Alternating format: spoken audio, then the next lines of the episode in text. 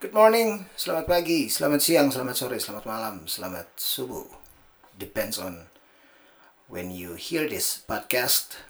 God bless you all as much as He can bless you. So, here we go. God is God of relationship. Uh, kalau kita cek pertama kali dari kejadian, kita cek dari Bible, kejadian satu. Kita kalau kita mau tahu uh, tujuan Tuhan, tujuan Tuhan asli, visi misinya Tuhan asli itu ada di kejadian 1 ayat 26 sampai 28. Baiklah kita menjadikan manusia menurut gambar dan rupa kita. Let us make uh, men according to our image and likeness, dia bilang gitu. Let them have dominion supaya mereka berkuasa. Jadi tujuannya kita diciptakan segambar dan serupa adalah supaya berkuasa. Supaya kita berkuasa. Baiklah kita menjadikan manusia menurut gambar dan rupa kita supaya mereka berkuasa. Nah kalau kita diciptakan segambar serupa supaya kita berkuasa, berarti aslinya segamkan kita segambar dan serupa berarti kita prototype. Berarti yang aslinya itu berkuasa dong berarti ya. Gitu. Uh, uh, segambar dan serupa berkuasa. Let them have dominion. Terus di ayat 28. Uh, be fruitful and multiply. And uh, kuasai bumi. Dia bilang gitu. Jadi visi misi Tuhan awalnya dan nggak berubah. Jadi visi misi Tuhan satu-satunya adalah bumi dipenuhi oleh kesegambaran dan keserupaan dia. That is his original intention. And it doesn't change. Kalau kita cek di Wahyu 20, 21, 22, ya itu, bumi dipenuhi dengan kesegambaran, keserupaan Tuhan. Gitu, di baik di kerajaan damai, masa damai seribu tahun maupun selama-lamanya. Yerusalem baru dan bumi baru. Memang itu intensi awalnya seperti itu dan intensi akhirnya seperti itu. Nah, ketika manusia jatuh ke dalam dosa, that uh, kind of messed up the arrangement. Nah, jadi Allah berinisiat untuk turun mengambil rupa seorang manusia bahkan mengambil rupa seorang hamba kalau kata Filipi 2. Dia turun mengambil rupa manusia. Dia turun mengambil peran anak dia. Jadi dia tunjukin untuk jadi anak tuh gimana. Caranya dia tunjukin dia jadi anak. Dianya yang jadi anak. Gitu. Kenapa dia mesti menunjukin gini loh caranya jadi anak? Karena begini, let them have dominion. Dominion itu uh, pernah dengar kata kingdom kan? Kingdom itu a king over dominion. Makanya ada kingdom.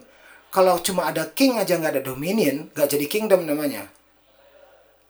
Nah, yang namanya kingdom ruled by a king itu penerusnya itu harus anaknya. Nah, makanya dia dia bilang gini, "You are my son." Makanya kita sering nyebut anak Tuhan, anak Tuhan. Nah, waktu kita nyebut anak Tuhan, itu berarti begini, kalau gue nyebut diri gue anak Tuhan, berarti gue pewaris kerajaan sorga berarti.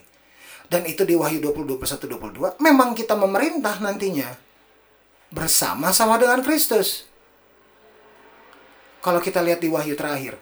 Jadi kasarnya gini, di Wahyu, bukan kasarnya, jadi Wahyu bilang begini, dia udah kasih tahu nasib kita sesudah kita meninggal. Dia udah kasih tahu.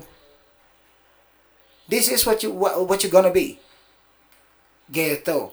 Dan intensi awalnya adalah tetap dia balikin kita seperti yang awal, yaitu apa? Segambar dan serupa dengan dia dan berkuasa atas bumi. Makanya kita ditaruh di bumi baru dengan Yerusalem barunya. Dan di situ kita memerintah bersama-sama dengan Kristus. Minimal seribu tahun, periode pertama, habis itu periode kedua, periode, periode terakhirnya adalah selama-lamanya. So that is his intention. Dibalikin ke situ sama dia, karena itu intensi awalnya begitu gitu. Sin memang sempat jauh waktu manusia jatuh ke dalam dosa sempat messed up his arrangement. Truly sampai dia mesti turun dan dia bilang gini, lu nggak sadar kalau lu apa? Gue ciptain lu tuh buat apa? Gue ciptain lu tuh lu tuh anak gua. Segambar dan serupa, lu tuh anak gua. Nih, gue kasih tahu caranya gimana jadi anak. Bukannya dia kirim siapa, bukan dia kirim dia dan dia kasih tahu gini caranya jadi anak. Dan kita bisa lihat example-nya ya ada di Jesus yang ngambil peran sebagai anak itu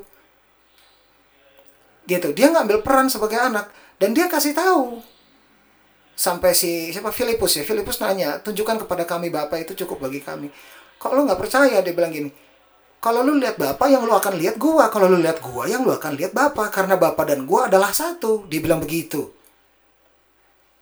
Nah, itu kenapa sampai dia turun dan memperkenalkan diri seperti itu? Bahkan dia sampai bilang begini ke murid-muridnya itu mulai dari Yohanes 14 uh, Yohanes 14 kalau nggak salah sampai Yohanes terakhir menuju terakhir dia spend time dengan 12 orang murid-muridnya. Dia bilang begini, lu nggak gue panggil lagi hamba, tapi lu gue panggil lagi sahabat. Dan dia bilang gini, tidak ada kasih yang lebih besar selain kasih dari seseorang yang memberikan nyawanya bagi sahabat-sahabatnya. Dia bilang gini, you are my best friend.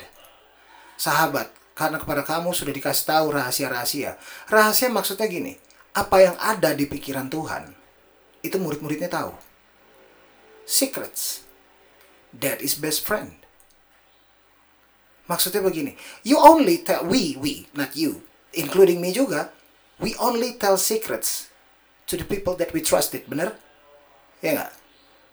We only tell our secrets to the people that we are trusting. That we trust them. Nah, who are the people that we trust? our closed ones bener nggak lu kan nggak percaya sama orang asing. Lu nggak asal ngomong apa segala macam rahasia apa. Enggak no no no no. You only tell your deepest secrets to the one who closest to you. Right? Nah itu best friend. Entah best friend entah husband and wife entah brothers and sister tapi harus close. Karena Tuhan intensinya itu adalah to have a relationship. Lagian God is love Love itu needs expression. Love needs an object. Jadi dia ciptain kita sebagai objek kasihnya. Nah kenapa mesti segambar dan serupa? Karena yang bisa menampung dan menangkap kasih itu bukan kasihnya Tuhan. Karena Allah adalah kasih itu sendiri kan. God is love. Allah adalah kasih. Dia bukan punya sifat kasih. Don't, don't, don't get him wrong. Jangan salah. Allah adalah kasih. Gitu. Nah, pribadi yang tepat gitu. Vessel penampung tampung uh, uh, uh, uh, uh, yang tepat untuk bisa menampung kasihnya. Dia ya harus segambar dan serupa because other than that are not deserve to get his love. Itu dia maksudnya. Makanya iblis jatuh Lucifer jatuh cuma sekali nggak ditolong nggak nggak nggak ditebus sama dia. No no no no. You're not my object of, of affection. You're not the object of my love. No. Men are. I will die for them. Not for you gitu. Dan diciptakan senggambaran serupa dan dia bilang aku mengasihi kamu. Nah di sini kita suka salah tangkap kasih itu kayak bagaimana? Ah mana katanya Tuhan sayang tapi kok dia gini? Lo itu ekspresi kasih sayangnya. Jangan-jangan definisi lu paradigma lu paradigmanya kita definisinya kita definisinya gua paradigmanya gua tentang yang namanya kasih itu pervert. Ternyata menyimpang karena the true love itu bukan romantik, sayang, kepengennya kita dapat, kebutuhan kita dapat. Katanya kebutuhan kita dapat, tapi sekarang gue butuh ini. Loh, lu menganalisa kebutuhan lu sendiri emang bisa? Really? Emang manusia bisa? Bisa dong manusia menganalisa kebutuhan sendiri. Oh ya, kebutuhan kita akan planet ini gimana? Kita butuh planet ini nggak untuk survive? Iya, kita butuh. Iya kan? This is our only home. No, no, no, kita nggak bisa cari ke planet lain kok. Belum, mana buktinya? Udah ada koloni belum di planet mana? Nggak ada. This is our only home. Ini kebutuhan kita. Kita harus jaga rumah kita. Do we protect and save the planet? No, we don't. Kita bunuh paus. Kita punahin badak. Ternyata kebakaran hutan kemarin di Australia karena ternyata akibat manusia kok. Amazon hancur. Udah berapa banyak spesies yang punah karena kita. We didn't protect our home divorce, kita sakiti anak, kita sakiti pasangan kita. We don't know our needs. Don't get don't get have a wrong uh, paradigm, have a wrong principle of love. Enggak, enggak, enggak. God is love. Dia nggak bisa bertindak di luar itu karena God is love. Dia maha. Yang dia bisa lakuin dalam kemahaannya itu love. Berarti love itu maha dong paradigma kita, persepsi kita tentang love jangan kayak Hollywood. Harusnya. Karena di 1 Korintus 13 ditulis di situ. Paulus bilang, love itu apa? Kasih itu sabar bahasa Indonesianya. Kasih itu sabar bahasa Indonesianya. Di terjemahan bahasa King James Version yang paling dekat sama terjemahan bahasa Yunani Perjanjian Baru, love suffers long. Itu kriteria pertama. Jadi ternyata love itu kriteria pertamanya suffering. Kalau lu nggak percaya God is suffering for us, take a look at this one. Lihat aja lagi balik ke penciptaan. Allah itu bertata di sorga. Makanya kita doanya gimana? Bapak kami yang di sorga. Jadi itu tatanya dia. Itu tempatnya dia. That's his place. That's his home. Tanda kutip. Itu tempatnya dia di situ. Bapak kami yang di sorga. Itu dia ada di sana. Nah kalau kita lihat di, di Alkitab mulai di Wahyu eh, eh ada di Wahyu kalau nggak salah. Permukaan sorga itu nggak ada tanah. Di sorga nggak ada tanah karena permukaan sorga itu terbuat dari emas murni. Saking murninya transparan. Bisa see through ke bawah. Jadi nggak ada tanah. Tuhan menciptakan manusia dari tanah. Tanah itu ada di yang baru dia ciptain sampai hari kelima. Namanya bumi. Tanah ada di situ. Jadi untuk dia bikin manusia dia harus turun dari tahtanya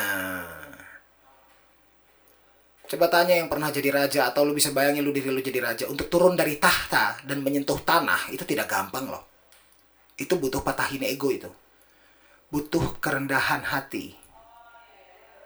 Dan Allah turun dari tahtanya, dia ke bumi, dia injek tanah, dia menjejakkan kakinya ke tanah mungkin waktu awal mungkin di bayangan gue. Habis itu dia bentuk tanah itu, nah bentuk tanah kan nggak pakai kaki ya, bentuk tanah pakai tangan dong. Berarti dia berlutut ya Terus dia membentuk tanah itu according to his image and likeness. Dia bikin itu tanah. According to his image and his likeness. Dan dia menghembuskan nafas kehidupan. Ke hidungnya, kata bahasa Indonesia. Di bahasa Inggrisnya bilangnya nostril. Hidung bahasa Indonesia, bahasa Inggrisnya harusnya nose. Bukan nostril, tapi bahasa Inggris tulisnya nostril. Nostril itu lubang hidung. Nah kalau lo menghembuskan nafas, menghembuskan udara dari tubuhmu ke wajah seseorang itu butuh deket jaraknya ya. Menghembuskan nafas ke hidung tuh jaraknya kira-kira 10-5 cm itu kayaknya. Ke hidung, ke nose. Tapi kalau menghembuskan nafas ke nostril, itu harus deket banget ya. Itu harus seperti mencium untuk bisa menghembuskan nafas. Pernah lihat CPR? yang mouth to mouth uh, resuscitation uh, kasih nafas. Nah itu ke mulut di ditutup ditutup hidungnya baru dibuka mulutnya terus kita hembusin udara ke situ. Nah kalau mau ke nostril itu lumayan agak sedekat itu berarti. Ya nggak? Berarti gini kan? Waktu Tuhan mengembuskan nafas kehidupan ke manusia berarti Tuhan hampir cium tanah tuh dia berlutut dan dia cium tanah seorang raja eh seorang raja raja, entitas sebagai raja. Dia turun dari tahtanya, dia bentuk dengan tangannya sendiri, dia berlutut, lalu dia cium itu tanah, dia mengembuskan nafas kehidupan. Dan manusianya hidup. Dan waktu dia lihat, inilah kesegambaranku, inilah keserupaanku. Terus dia bilang gini, let them have dominion over the earth. Beranak cuculah bertambah banyak kalau bahasa Indonesia. Bahasa Inggrisnya dibilang gini, be fruitful berbuahlah dan bertambah banyak, bermultiplikasilah kamu dan kuasai bumi. That is his intention. His only intention. Karena kalau kita lihat di Wahyu, balik ke seperti itu soalnya. Memerintah kembali kita di bumi baru. Menjadi raja bersama-sama dengan Kristus selama-lamanya.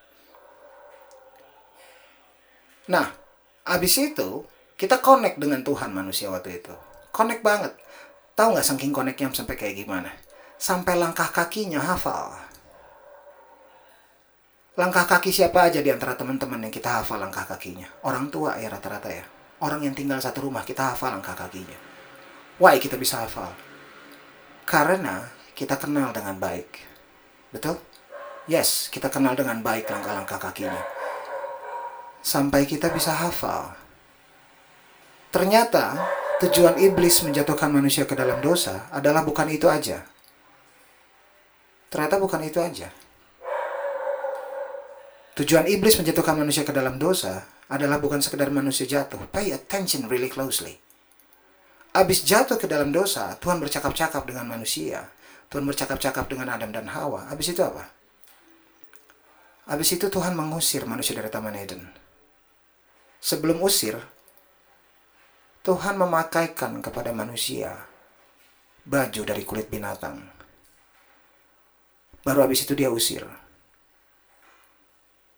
Tujuan iblis menjatuhkan manusia ke dalam dosa adalah supaya manusia kehilangan persekutuan dengan Tuhan. But look how good God is. Before he threw us out, before he did that, what is he doing? Dia protek kita dengan baju kulit binatang. Manusia sebelumnya pakai apa? Dari daun. Bikin cawat dari daun. Tapi Tuhan bilang apa? Enggak, enggak. Daun tidak bisa memproteksi kamu, sayang. Aku bikin dari kulit binatang. Baru dia pakaikan. Berarti benar-benar Alkitab. Dipakaikannya kepada manusia. That is the last physical touch. Physical touch. That is the last. God ever touch a human being. Can you imagine how God feels at the time? Can you imagine how hurtful he feels at the time? Dia pakai ini itu terus dia bilang, I will see you. I will die for you. And he did kan? He did. He died. Dan ada beberapa fenomena ketika Allah uh, mengambil rupa seorang hamba, mengambil rupa seorang manusia, dan dia mati di kayu salib. Waktu dia mati di kayu salib, waktu dia bilang sudah selesai, it is done, it is finished, it is over, it is done.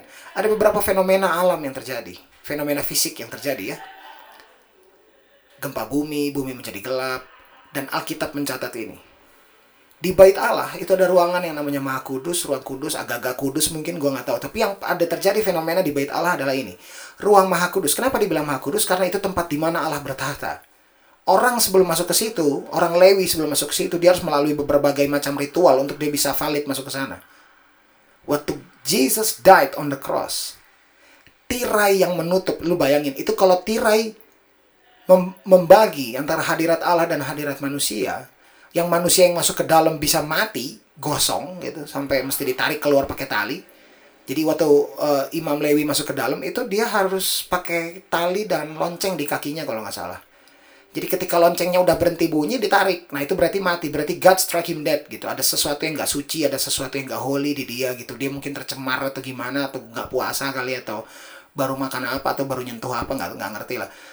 But that's the point. Nah itu kan tirainya gak mungkin kayak horden yang cuma berapa senti tebelnya ya. Ya nggak? Kan gak mungkin.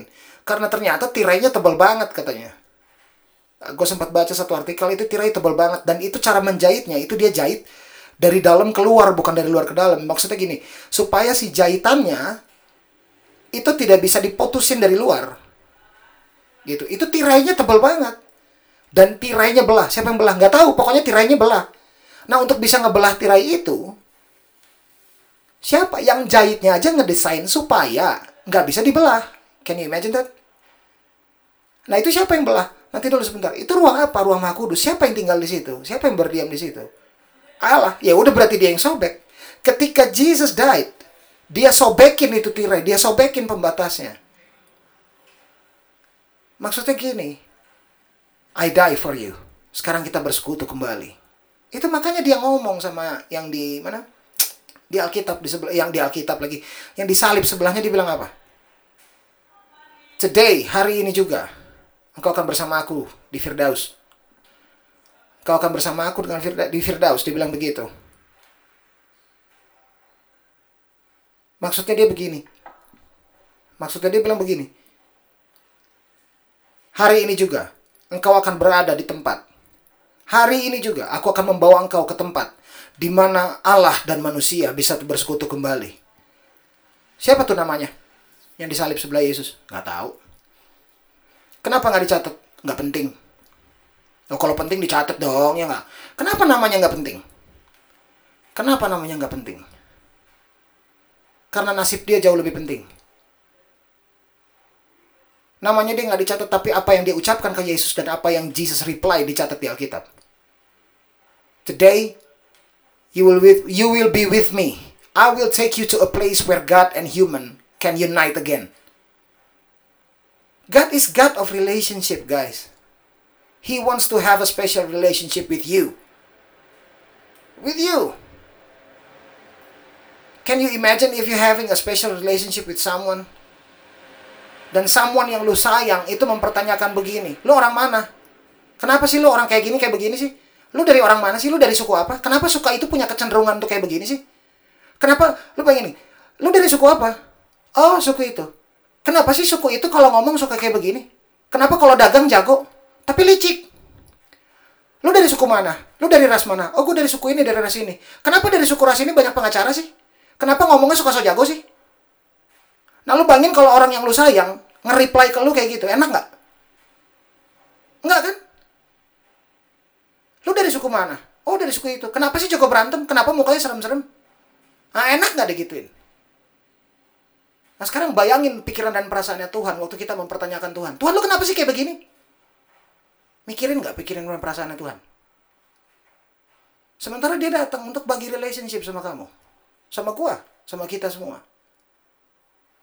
Dan Allah itu adalah kasih. Dia masih kasih kesempatan. Whoever hear this, itu berarti punya telinga. Kalau punya telinga itu berarti darah ke telinga jalan, otak ke jalan. Otak ke jalan berarti jantungnya berdetak. Jantungnya berdetak itu berarti ada metabolisme yang jalan. Berarti you alive and breathing while hearing this. And because of you alive and breathing, itu berarti God still loves you. So please, whoever is questioning God, please man, tolonglah. Kenapa lu susah mengucap syukur? Karena dia udah jelas-jelas bilang, terkutuklah orang yang mengandalkan dirinya sendiri. Gimana mau mengucap syukur kalau terkutuk? Nggak bisa. Kenapa terkutuk? Karena mengandalkan dirinya sendiri. Please, man. Please, jangan mikirin Tuhan dengan otak lo. Yang oke, okay, kita bisa nyiptain iPad. Oke, okay, kita bisa menciptakan gadget. Iya, tapi bunuh badak lo. Tapi lo bikin coronavirus, man. Kita ke bulan, tapi astronot pulang ke rumahnya, istrinya minta cerai. Yeah, you can go to the moon, but cannot protect your own family. So, analyzing things that are beyond you. God is beyond you. God is not make sense. Bukan. Tuhan itu bukan gak masuk akal. Bukan. God is beyond you. And he, di tengah kebeyondannya dia, dia bilang gini, saya sayang sama kamu sampai saya mau mati buat kamu. Hanya untuk apa? To have a relationship. That's why relationship captivate us manusia suka perang. Makanya film action laku pasti. Here's proof. A couple of years back, uh, dalam sejarah uh, cinematic, uh, the biggest box office of all time, uh, Marvel Cinematic Universe, judulnya Avengers Endgame. Filmnya tentang apa? Itu itu titik culmination, culmination point of all the 22 movies kalau nggak salah. 3.5 billion dollars 3.5 billion dollars. Filmnya tentang apa? Tentang konflik, tentang perang. We fight, we kill, we solve conflict by killing the source of the conflict. Kenapa orang bikin itu film? Karena produser yakin ini laku. Pasti laku. Laku pasti. The rate, oh my god. Kita got excited waktu punggung orang patah. Ketika Iko Uwais kicks ass, man. Ya nggak? Waktu Yayan Ruhian berkelahi sama Jota Aslim.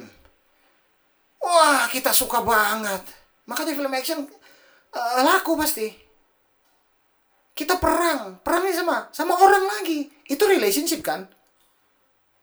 Ya dong. Jadi gini loh. Adolf Hitler itu punya relationship dengan sekutu-sekutu di Perang Dunia Kedua.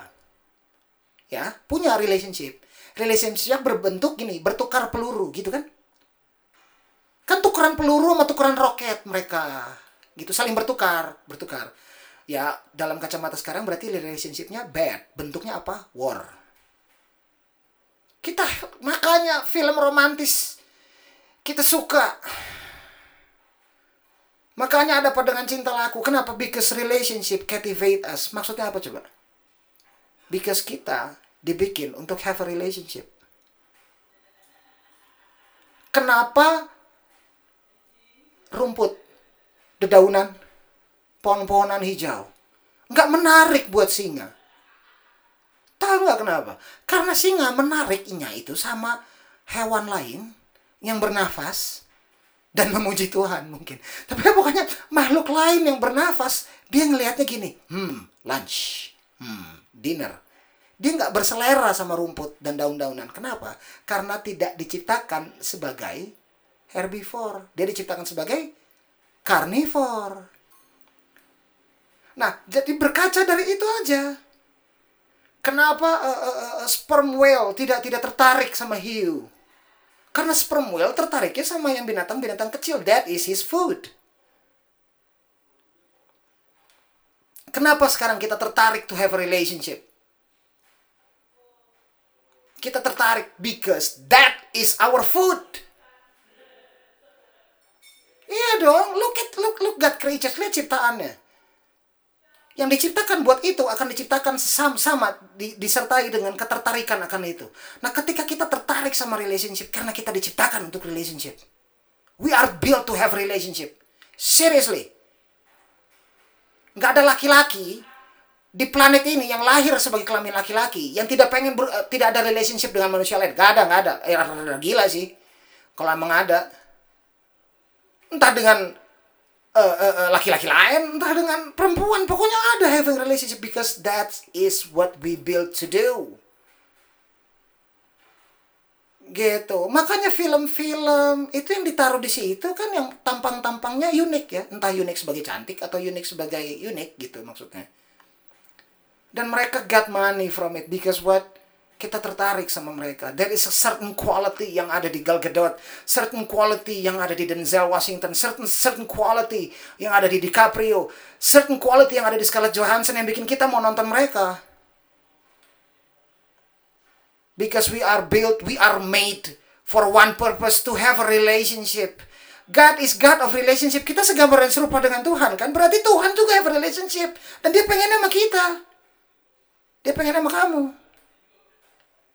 Dia pengen sama saya. So, let us have relationship with him. Bukan dengan pengetahuan aja. Karena iblis juga bilang ke anak-anak sekewa. Saya kenal Yesus, saya tahu Paulus. Kamu siapa? Kalau cuma pengetahuan aja, kita cuma ada di level iblis. Perhatiin yang di pencobaan di padang gurun.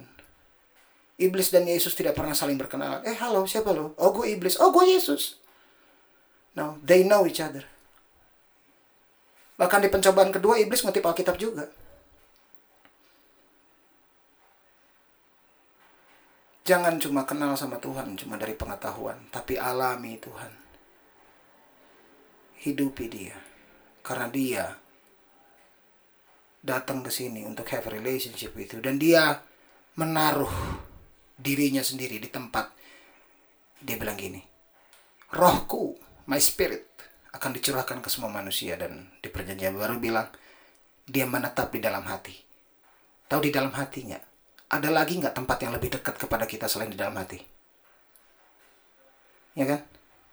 Waktu lu sayang sama orang kita ngerasain hal-hal yang orang lain nggak rasain yang aneh yang nggak bisa diterangin kok gue kangen sama dia? Kok tampang dia ter apa lewat di pikiran gue terus ya? Kok gue mikirin dia terus ya? Ada hal-hal yang nggak bisa diterangin. Psikologi dan kesehatan medis cuma bisa menganalisisnya cuma gitu aja. Tapi there's no valid and reason kita nggak pokoknya gue sayang sama dia. Lu emang kalau lu sayang sama orang lu cinta sama orang emang lu ke psikiater terus nanya kenapa gue sayang sama dia? Kan enggak ya udah sayang sayangin aja. Nikmati aja karena apa? Karena perasaan itu nikmat banget. Dan itu yang Tuhan rasain waktu dia lihat kita. You are to die for. I am to die for. We all are to die for. Dan ketika cinta butuh ekspresi tidak ada lagi ekspresi yang lebih tinggi selain karena cinta dia rela korbankan nyawanya to have a relationship with you. Isn't it great? The owner of all, Roma 11 ayat 36, semua dari dia oleh dia bagi dia, memutuskan untuk menjadikan aku kamu, kita semua jadi objek kasih. Jadi objek dari dirinya sendiri. That is why God created marriage. Dan dia hate divorce. Because God loves unity. Karena Tuhan suka kesepakatan. So, got a point. Our point is this. Let us have agreement with God. Bersepakatlah dengan Tuhan kalau dia mengasihi kita. Ayo setuju sama dia. Ayolah. Resikonya tinggi sekali kalau kita nggak setuju sama dia. Tinggi sekali. Kalau emang dia setuju. Kalau emang dia enggak, kalau ternyata Tuhan nggak ada gimana? Oke sekarang gue tanya, kalau emang Tuhannya ada, resikonya tinggi nggak lu kalau lu berpikir seperti itu? Iya, resikonya tinggi banget. Resikonya tinggi banget. It's not worth it. Kenapa? We ignore God, berarti we ignore love. Come on. So, got a point. Sekali lagi, our point is this. Let us agree with God. Let us agree with God. Jadikan kita sepakat sama Tuhan. Ambil keputusan untuk iya. Yes, you love me. I am to die for. Thank you God. Belajar lihat diri kamu seperti Tuhan lihat kamu. Karena kamu juga cacat kok. Kita punya kelemahan. Berarti cara kita ngelihat diri kita sendiri juga mungkin cacat ya. Bener nggak? Right? Ya kan? So, just agree with him. Got a point. When God makes a point, his point is love. Perintah paling utama, kasihlah Allah. Dia kayak ngomong gini kan.